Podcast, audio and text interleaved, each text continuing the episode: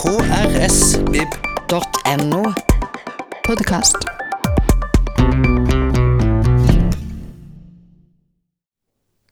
Hei og velkommen til andre episode av Klassikerklubben. Tirsdag 25. september i Kristiansand folkebibliotek og kunsthall hadde vi besøk av kunsthistoriker Frida Forsgren. Hun holdt en innledning om Andrea Mantegnas verk Kamera Picta og Inger Christensens roman om verket. Det du nå skal få høre, er Fridas innledning og en påfølgende samtale mellom Frida, Miriam Christensen fra Kunsthallen og Camilla Gulbrandsen fra Kristiansand folkebibliotek. Når jeg studerte på midten av 90-tallet, så var forfatteren død. Vi skulle nærme oss kunstverket som en tekst som levde isolert fra den som hadde skapt det. Det fantes ikke et skapende jeg, men kun visuelle tegn sendt ut fra en avsender, og målet var å avkode dette tegnet helt objektivt. Idealene på universitetet var Umberto Eco, Mikke Ball og de andre strukturalistene og poststrukturalistene på 60-tallet. Og jeg hadde reist til Mantova, denne lille byen, renessansebyen på Po-sletta nord i Italia, fra Universitetet i Tromsø for å skrive en hovedfagsoppgave om maleren Andrea Mantegna og huset han bygde til seg og sin familie i 1476. Og jeg var helt oppslukt av maleren Andrea Mantegna og huset han bygde. Jeg var opptatt av renessansen, som jo er denne tiden i europeisk kulturhistorie da menneskene gir liv og pust og energi til historiene. Jomfru Maria får bryster og knær og sitter på tronen, og Jesusbarnet blir et spedbarn med deilig røde kinn som gjerne spiser druer. Og jeg elsket da å vandre rundt i tåka i denne byen i Mantova. På den runde, rare brosteinen som de har der, og høre på froskene som kvekket i de vollgravene her. Og jeg bare liksom sugde inn historien. Men på universitetet hadde jeg lært at Mantegna var død. Huset hans, det var et tegn. Eh, og nettopp derfor tror jeg det var at denne boka, da, Inger Christensens roman 'Det malte værelset', gjorde sånn inntrykk på meg. For her var det en stemme som levde seg inn i historien, og som lot denne renessanseverdenen liksom folde seg ut eh, i all sin magiske rikdom. Inger Christensen bruker maleren og Borgen og Kunstnerhuset, Den lille dvergen. Påfuglene. Til å liksom sirkle inn denne renessanseverdens magi. Med det krystallklare dikteriske språket sitt så puster hun liv i renessansen. Og for meg var dette så utrolig befriende, fritt for semiotikk og døde forfattere. Eh, Christensen lar på et vis både forfatteren, altså maleren, da, få lov å leve, Samtidig som hun bruker maleren og tiden som et sånt eget kreativt springbrekt. Og det er det jeg håper vi kan diskutere senere. Um, denne boka er um, fra 1976. Uh, den er skrevet nøyaktig 500 år etter at maleren Andrea Mantegna malte dette, dette, bildet. Altså 500 år etter at han vandra rundt på brosteinen i Mantova og malte dette hovedverket som kalles for Det malte værelse, eller Camera Picta, eller Camera degli Sposi, eh, ektefolkets eh, eh, rom. Camera Picta her det ble malt for hertug Lodovico den tredje, Gonzaga, mellom 1465 og 1474. Da. Og det skulle være hans kombinerte mottagelses-, sove- og spisesal i denne borgen. I løpet av sin regjeringstid så forvandlet jo Lodovico Mantova fra en sovende sumpby til en av de vakreste renessansestatene på den italienske halvøya. Og dette gjorde han takket være hjelp, altså takket være et lag da, av nøye utvalgte intellektuelle, ingeniører og de fremste malerne og arkitektene i Italia på denne tiden. Bl.a. Leon Battista Alberti, som regnes som et universalgeni på 1400-tallet, eh, lik Michelangelo senere. Og også da Andrea Mantegna, som er en fantastisk maler, arkitekt, ingeniør, historiker eh, og eh, poet. Han er på en måte også et, et, et geni. Sånn, ja, universalgeni. Og Camera Picta, hvis vi ser på det her på veggen, så ser dere dette er, ser vi to av endene i tårnet. Det er nord- og østveggen. Um, og selve rommet det er jo et kvadratisk rom. Da. Det er åtte ganger åtte ganger åtte meter. Og det fins da i nordøst-tårnet på denne borgen som dere ser her. Um, og hele borgen er en sånn stor labyrintisk gang med over 500 rom. Og man går gjennom sal etter sal etter sal for til slutt å komme til dette høydepunktet, på en måte, som er det malte rommet. Og rommet regnes jo som et av de vakreste og best teknisk malte renessansedekorasjonene i ungrenessansen. Og på veggflaten så gir Mantegna oss uh, følelsen av å delta i fyrstefamiliens liv anno 1470. Og det er jo sikkert det som er liksom Ingrid Christensens prosjekt her òg. Det er jo på en måte å gå inn i disse karakterene og gi dem liv. Eh, rommet er malt med freskoteknikk, dvs. Si fargepigmenter som er påført på våt mur. Og det er jo det eh, Bernardino skriver om i siste kapitlet der, når han forteller om farens maleprosess og hvordan han selv melka geiten og lagde farge. ikke sant? Så vi kommer jo veldig tett på teknikken her. Eh, selve scenen, eller selve rommet da, det består av eh, tre eh, eller to hovedscener, kan vi si. Dette er hoffscenen som ligger på nordveggen. Og ser dere her, her sitter eh, hertug Gonzaga. Det er han som sitter der med et brev i hånda helt til venstre oppå peishylla der. Han sitter da omringa av familien sin. Vi ser Barbara Brandenburg med denne karakteristiske hvite sånn, eh, hårfrisyren i gult sitter over der. Og så ser vi de andre altså sønnene, døtrene og de andre hoffmedlemmene. Og eh, Lodovico er vist da mens han snakker med sin sekretær, som er Masilio Andreasi. Og det er jo han som spiller hovedrollen i første delen av boka. Det er han som forteller i dagboknotaten. Um, og under stolen så ser vi hunden til uh, Lodovico. jeg, jeg har et nærbilde av den uh, der. Rufino, som ligger under da, hans trofaste venn som ligger under uh, Og så ser vi jo også i den samme fresken så er det jo også nærbildet skal vi se der, ja, nærbildet av Nana, den lille hoffdvergen, som også spiller hovedrollen da i kapittel to. Og så har vi da her et nærbilde av um, Andreasi, ikke sant, som uh, snakker Han er sekretæren og som hvisker inn i øret på Lodovico.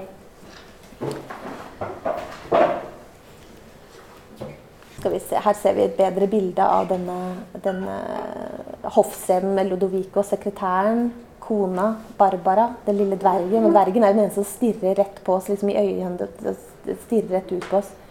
Og det er jo veldig sånn fascinerende. Jeg husker En av de tingene jeg som var mest fascinerende når jeg var der, det var liksom I denne borgen så er det en hel leilighet som er lagd bare for dvergene. Så under jorda så er det en egen dvergleilighet hvor alle hoffdvergene bodde. Så jeg synes det var veldig sånn Bare det er liksom mystisk verden, alle disse dvergene. Og der gikk man liksom krøp under taket liksom inni der. Så, så, det at han liksom har dvergen med i denne, denne fresken, sier noe om liksom, ja, dvergenes rolle der på, på hoffet. da. Eh, skal vi se, Hvis vi ser på den andre kjente eller store scenen, det er hoffscenen, og så er det denne møtescenen. Og på møtescenen så ser vi Lodovico, ser dere han til høyre, i profil. Han møter sin sønn kardinal Francesco. Han er akkurat blitt kardinal i Milano. Og møter eh, sin far ute på et jorde. Og her er det jo en mer offisiell side av hoffet. da De er ute foran, foran byen, foran markene. Og, men allikevel er barna med. De små barna er med, og hundene er med, og hestene er med. Og viser en sånn fro, frodig scene. da. Og vi ser um, også i denne møtescenen så ser vi eh, Fredrik, den tredje keiseren, og Kristian 1. av Danmark er også med på denne scenen. Og Inger Christensen det, beskriver dette møtet i første del i det som heter 24.8.1972 i dagboka. Beskriver hun dette møtet. Mm så er vi et nærbilde av, av møtescenen. Uh, og bak der så ser dere en by, en klassisk by som bygges. Vi ser uh, kolossalstatue, vi ser amfiteater, vi ser uh, klassisk pyramide og bymuren. Og, og ja, en by som reiser seg, som forvandles liksom fra fra en, en sånn mursteinsby til en marmorby. Litt sånn, sånn det, det, tredje Roma, eller nye Roma. ikke sant? Fordi disse keiserne de, de modellerer jo den nye staten sin på, på, ideen om det gamle Roma.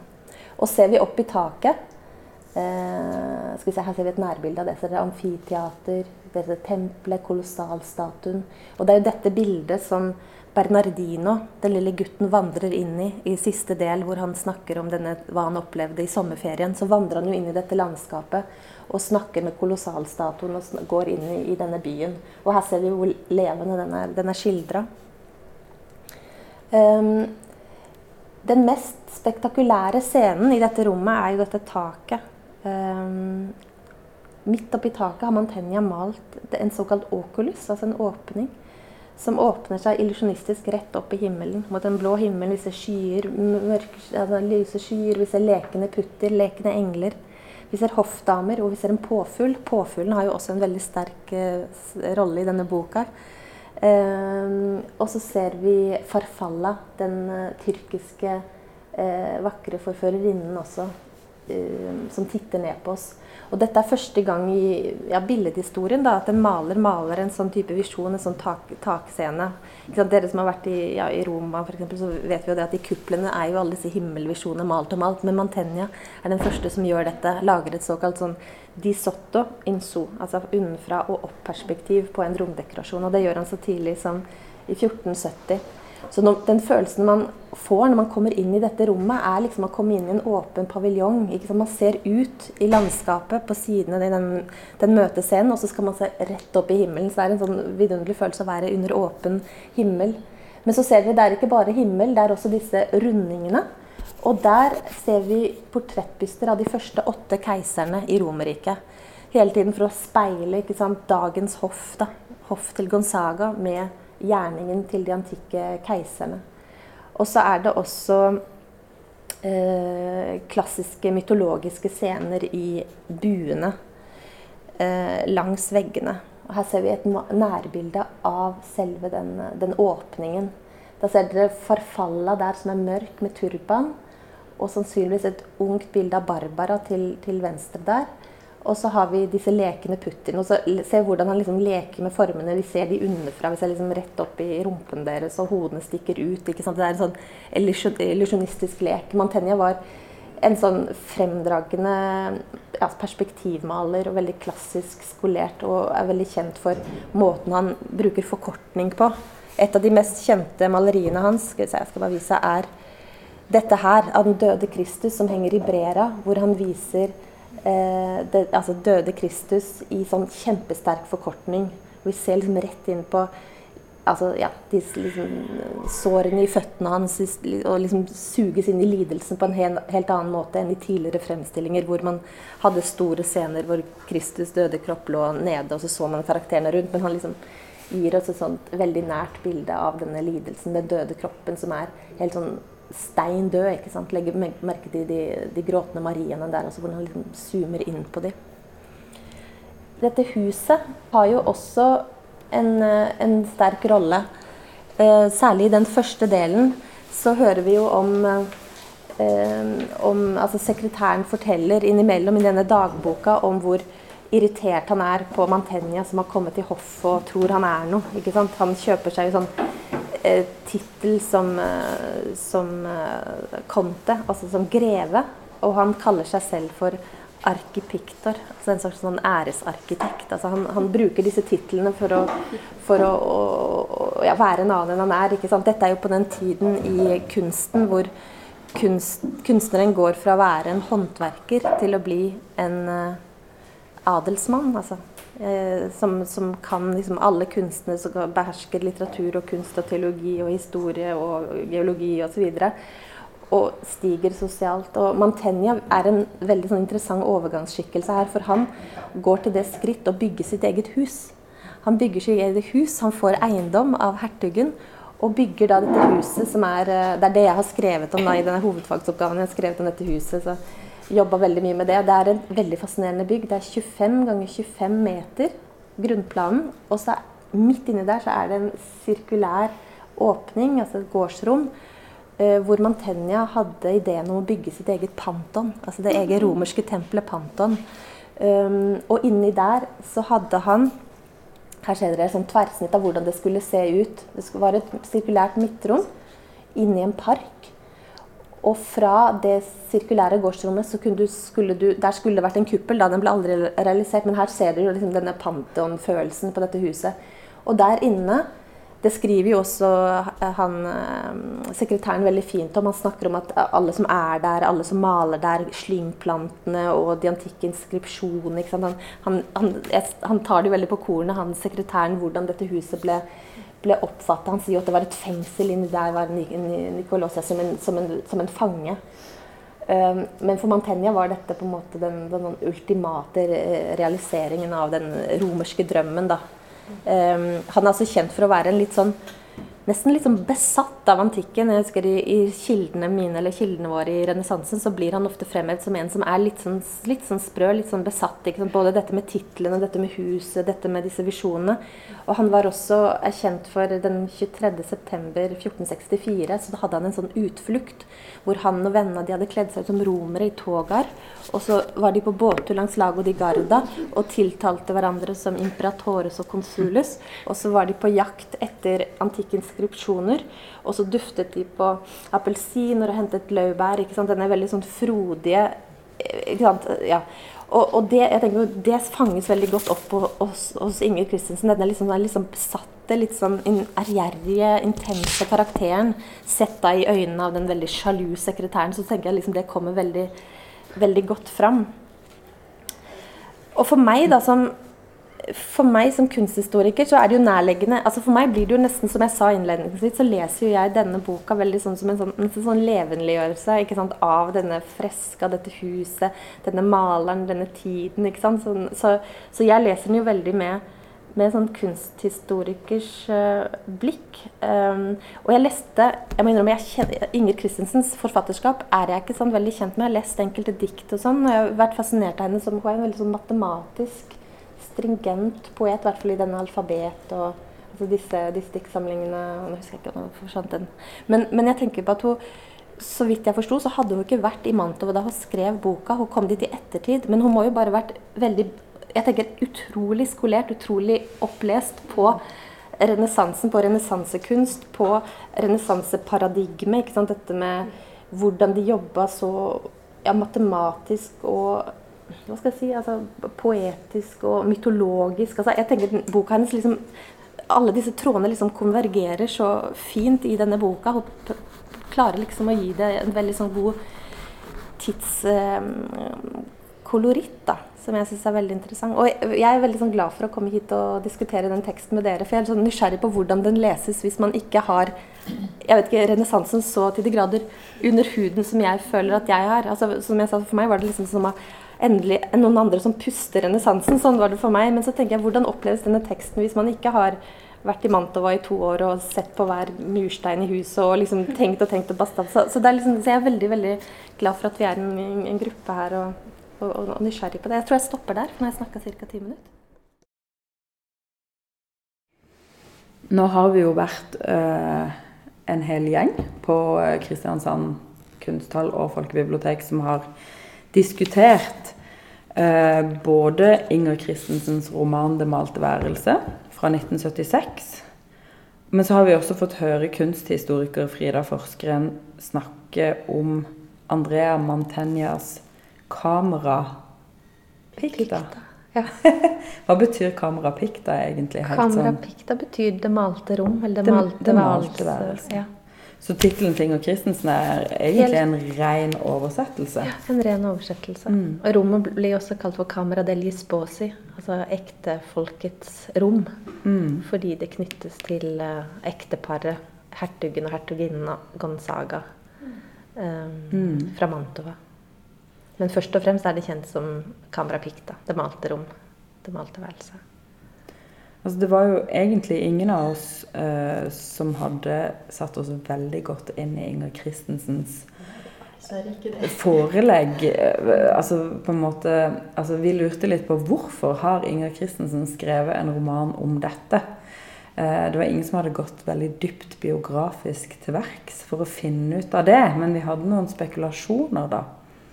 Og en av de var jo at um, Eh, at Inger Christensen bare har vært veldig fascinert av Andrea Mantegna som kunstner, fordi han eh, Det må du forklare, Frida. Han var veldig matematisk i sine utregninger og beregninger av mm. både et arkitektonisk eh, verk, men også av kunstverkene mm. som han han, han, var jo en ungrenessansemaler. Altså han, han ble liksom moden kunstner fra 1460 til altså Han døde i 1506. Og det var jo en tid hvor man var svært opptatt av å lage en sånn eksakt replika av virkeligheten matematisk. Altså Man teoretiserte over sentralperspektivet første gang i 1436. Uh, og da lagde man en modell altså, via ortogonaler og forsvinningspunkt, hvordan man kunne male en, altså en realistisk avbildning, en naturalistisk avbildning av uh, virkeligheten. Og det er sånn paradigmeskifte i, i, den vestlige kunsten. Da, fra at man har malt symbolsk og todimensjonalt religiøse bilder, til å plutselig kunne male realistisk, som om vi er der, som om det skjer her og nå. Og Inger Christensen har jo denne opptattheten med orden og struktur i, i flere av diktsamlingene hennes, sånn som 'Alfabet', hvor hun bruker Fibonaccis tallrekke. Så, sånn mm. tenkte jeg at hun må jo hatt på en eller annen måte liksom blitt fascinert av Mantegna nettopp fordi han også har denne lovmessigheten i seg. Han, det malte værelset følger jo en helt sånn, sånn, klar matematisk struktur. Det er åtte ganger åtte ganger åtte mm. eh, meter. Og det huset han også bygger til seg selv og familien, er 25 ganger 25 meter. ikke sant? Så han har denne veldig sånn klare matematiske ratioen. Og for renessansemalerne og arkitektene så bygger jo det på antikke strukturer. De, de søker jo å, å gjenoppdage antikken form, formalestetisk. Og da blir det nesten en sånn Si, en sånn, ja, nesten sånn besettelse hos mange av disse malerne og arkitektene å jobbe helt sånn lovmessig og tallmessig. Så jeg tenker jo liksom at dette vet jeg ikke, men jeg har liksom tenkt at hun må ha vært interessert i det i Mantegna. Den her eh, tallmystikken, magien, som ligger i disse rommene. Som ligger i dette rommet, som er et sånt virke, veldig konstruert virkelighetsrom. da. Jeg tror Inger Christensen også jobba sånn. At eh, de, flere av eh, diktbøkene hos henne er jo konstruert rundt sånne strenge prinsipper. Mm. Eh, hun har jo 'Sommerfugldalen', som er en sånn sonetteform, tror jeg, og 'Alfabet', som er denne tallrekka. Mm. og eh, i det hele tatt eh, Så tenker jeg sånn rent kreativt da, at det å på en måte sette ned noen regler og bestemme noen sånne Parametere. Vi har parametere da for, eh, for, diktverket. At det er veldig sånn fruktbart. da, For da har du på en måte allerede et system som du kan på en måte fylle mm. inn, da. Mm. Eller fylle ut. Ja.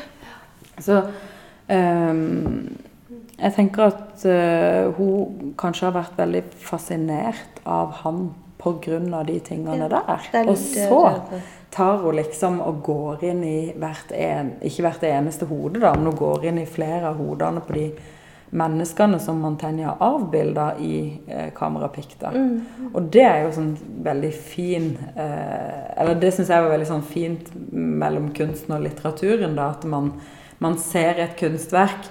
Og så tenker man jo sine egne tanker fra vår tid i dag. Men så kan vi også lese da Inger Christensens versjon da, av renessansen mm. fra 1976. Mm. 500 år senere ja. så går hun liksom inn inn i hjernene til disse fiktive karakterene i dette malte rommet og spinner videre på deres historier. Mm. Som er en veldig fascinerende ting. Og det snakker vi også Hvorfor gjør hun det? ikke sant? I 1976, midt i den harde 70-tallsideologikampen, ikke sant? så velger hun å gå 500 år tilbake til et veldig sånn klassisk ungrenessanseverk. Og, ja, inn i et sånt tradisjonelt narrativ. Hvorfor gjør hun det? Det er veldig sånn fengslende. hva hva, ja, hvorfor hun gjør det? Ja, For det er jo kvinnekamp, og det er liksom politikk og reaksjon og aksjon. Og der. Ja. Men nå, du har jo fortalt oss veldig mye om uh, symbolene eh, altså i boka. Ja. Og, og, jeg kunne jo ingenting av dette her. Men vi fant vel ut at det, var, at, det var, at det, var, mulig å lese boka på to måter, egentlig. Både en sånn en kunnskapsrik måte og en sånn en måte som ikke hadde noe særlig ballast. Mm, mm. Ja, en mer poetisk måte, kanskje, ja, eller en mer sånn filosofisk mm. måte. Fordi jeg tenker, eller jeg syns at Inger Christensen har så metta setninger at alt hun skriver, er så ekstremt sånn fortetta, kompakt. Eh, livsvisdom og filosofisk innsikt og hun reflekterer rundt kunsten og livet og døden og veldig mange nivåer i den teksten. Så man kan jo utmerket godt bare lese boka og ikke forstå så mye, men man nyter jo teksten og hvordan den er skrevet og den estetiske opplevelsen, da. Mm. Ja, for jeg tenker du får jeg, Som kunsthistoriker så tenker jeg at du får veldig mye på kjøpet ved å sette deg inn i i André Mantegnas eh, kunstnerskap og i egentlig den kunsten som ble skapt rundt altså i, dette, i dette lille fyrstedømmet i, i, Mantova på denne tiden, så gir det jo veldig sånn god tidskoloritt til hvordan altså Det er jo en sånn, som jeg sa, et sånn paradigmeskifte i den moderne vestlige malerkunsten. Dette med kunstneren som går fra å være håndverker til å bli et intellektuelt geni, altså en med, med kunnen og oppdragelse og ja, mer intellektuelt eh, malende vesen. ikke sant? Og også hvordan eh, ja, sånn, sånn, som jeg snakket om dette med perspektivet, sånn, sånn strukturerende prisme til å, opp, til å, se på virkeligheten. Dette med at man skal lage religiøs historie og historier som mennesker kan identifisere seg med liksom i øyenhøyde. jeg tenker Det ser man jo også her. Man kommer inn i rommet, og så ser man liksom står man øye til øye med, med, med, med, hertugen. Det er ikke lenger sånn at du står som en liten undersått og titter opp på et stort gudebilde i taket, men du er på en måte ja, det er sånn, jeg tenker Det sier noe om den type verdsliggjøring som renessansen også representerer kulturelt. Da.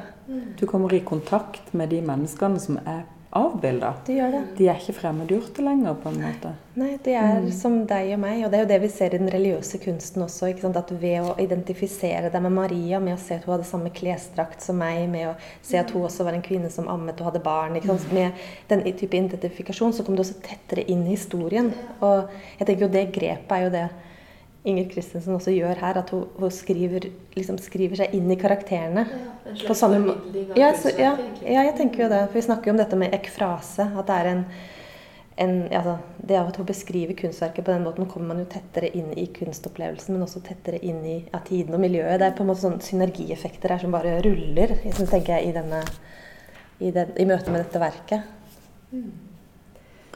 Jeg tror alle sammen uh, var enige om at uh, det var veldig gøy å høre på Frida fortelle om kunstverkene. Og så jeg tenker at uh, det er noe som folk har lyst til. da. De har lyst til å høre noen fortelle historien bak. Og det har jo på en måte Inger Christensen da gjort for dette kunstverket. Og det er jo ikke uvanlig heller at forfattere skriver om kunstverk eller lar seg inspirere av kunsten. Mm.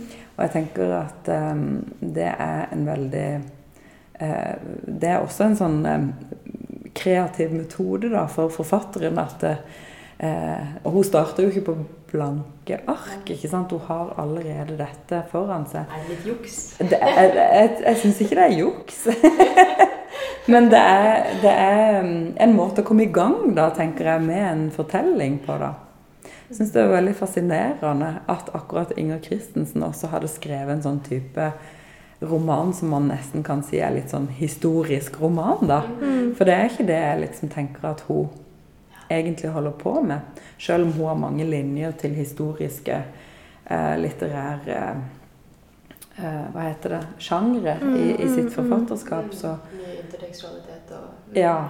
Så er det allikevel det der eh, historiske som jeg ble liksom veldig fascinert mm. av en dansk kvinne på 70-tallet som fabulerer seg inn i. Mm. Og kan alt dette om både symboler og eh, historien. Og. Et utrolig studie. Jeg jobber jo liksom i to år med min uh, hovedfagsoppgave. da, om, ikke sant, og Dykka inn i dette universet. Og jeg tenker hun er jo like altså, veld, veld, utrolig kompetent. Altså, hun har virkelig Hun kan på en måte kunstnerrollen, hun kan uh, renessansetiden, hun kan altså, pavemakten, hun kan eh, stilen, altså i disse sekretærstilen. altså Hun kan fresketeknikk. altså Jeg er sånn utrolig fascinert av den kunnskapen hun besitter når hun liksom går inn i denne verden. Det er, en, eh, det er jo en forsker, tenker jeg. En forsker som har forsket gjennom poesi istedenfor sånn som jeg som skrev, endte opp med å skrive en, sant, en hovedfagsoppgave som sikkert ingen har lest senere. Men liksom det her å, å, å, å liksom å gjøre det på denne måten husker jeg at jeg syns var så utrolig fascinerende. Det å,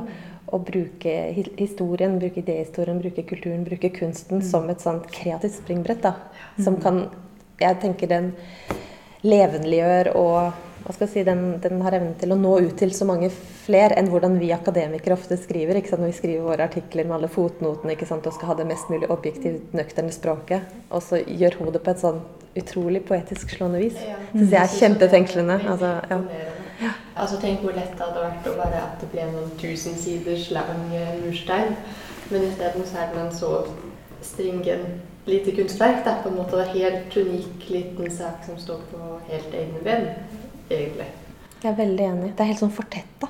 Akkurat som det er destillert. Jeg vet ikke, Det er utrolig fint. Og, og i hvert fall sånn, som sagt, sånn, i forhold til sånn som jeg jobber da, som akademiker, som jobber med å skal gjøre alt mulig objektivt og dokumentere og dokumentere og dokumentere og bygge på andre og sånn, så er det ofte så utrolig befriende å bare le, altså, å lese noen som gjør det så overlegen som, som hun, som, som, som Inger Kristiansen gjør i denne boka. Da. Jeg synes Det er veldig inspirerende. Jeg skulle ønske at det var lov å jobbe mer sånn, eller altså jobbe mer sånn også i, i fagformidling, sånn som jeg i min, min bransje, da. Men Tror du den boka her har blitt et sånn slags standardverk som man knytter til Mantenjas verk? Altså, jeg tror den er oversatt til ganske mange språk. Den Jeg har ikke det. klart å finne oversikten over hvor mange, men eh, den må jo ha nådd ut litt. Ja. Jeg, jeg husker i hvert fall at, at når jeg jobba med dette materialet, så var det sånn Å, du må lese Inger Christensen. Altså, det var, malte- jeg var et sånn standardverk man, man leste.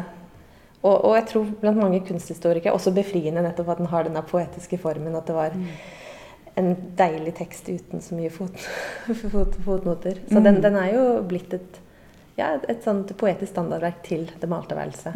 Og jeg tror veldig mange sånn, Jeg har lest sånne kronikker og sånn i Informasjon og Sør-Jyllandsposten og sånn om boka nå når jeg forberedte meg. Og der er det jo også sånn når du drar på dannelsesreise til Mantova i Danmark, så har du med den boken i, i bagasjen. Da var det en som satt og leste den for sin kone mens hun kjørte bilen gjennom eh, Tyskland videre mot Italia. Så den er en del av den, den reisekanoen, eller den kunstopplevelseskanoen da, i, blant danske intellektuelle. Ja. Men da er det vel bare sånn at vi kan anbefale alle både å lese Inger Christensens 'Det malte værelse' fra 1976, men også å dra til Mantova og Ja. se kamerapikta. Absolutt. Det fikk vi i alle fall veldig lyst til å gjøre etter at vi hørte på Fridas eh, eh, beskrivelser og levendeliggjørelse og eh, tolkninger av verket. Neste klassikerklubb er allerede tirsdag 16. oktober klokka sju i Kristiansand kunsthall. Da kommer billedkunstner Ane Thon Knutsen og snakker om novellen Merke på veggen, som vi også leser i fellesskap på tirsdag. Flere podkaster fra oss finner du på Google Podkast, Apple Podkast eller iTunes, eller ved å stikke innom vår hjemmeside på krsbib.no. krsbib.no. Podkast.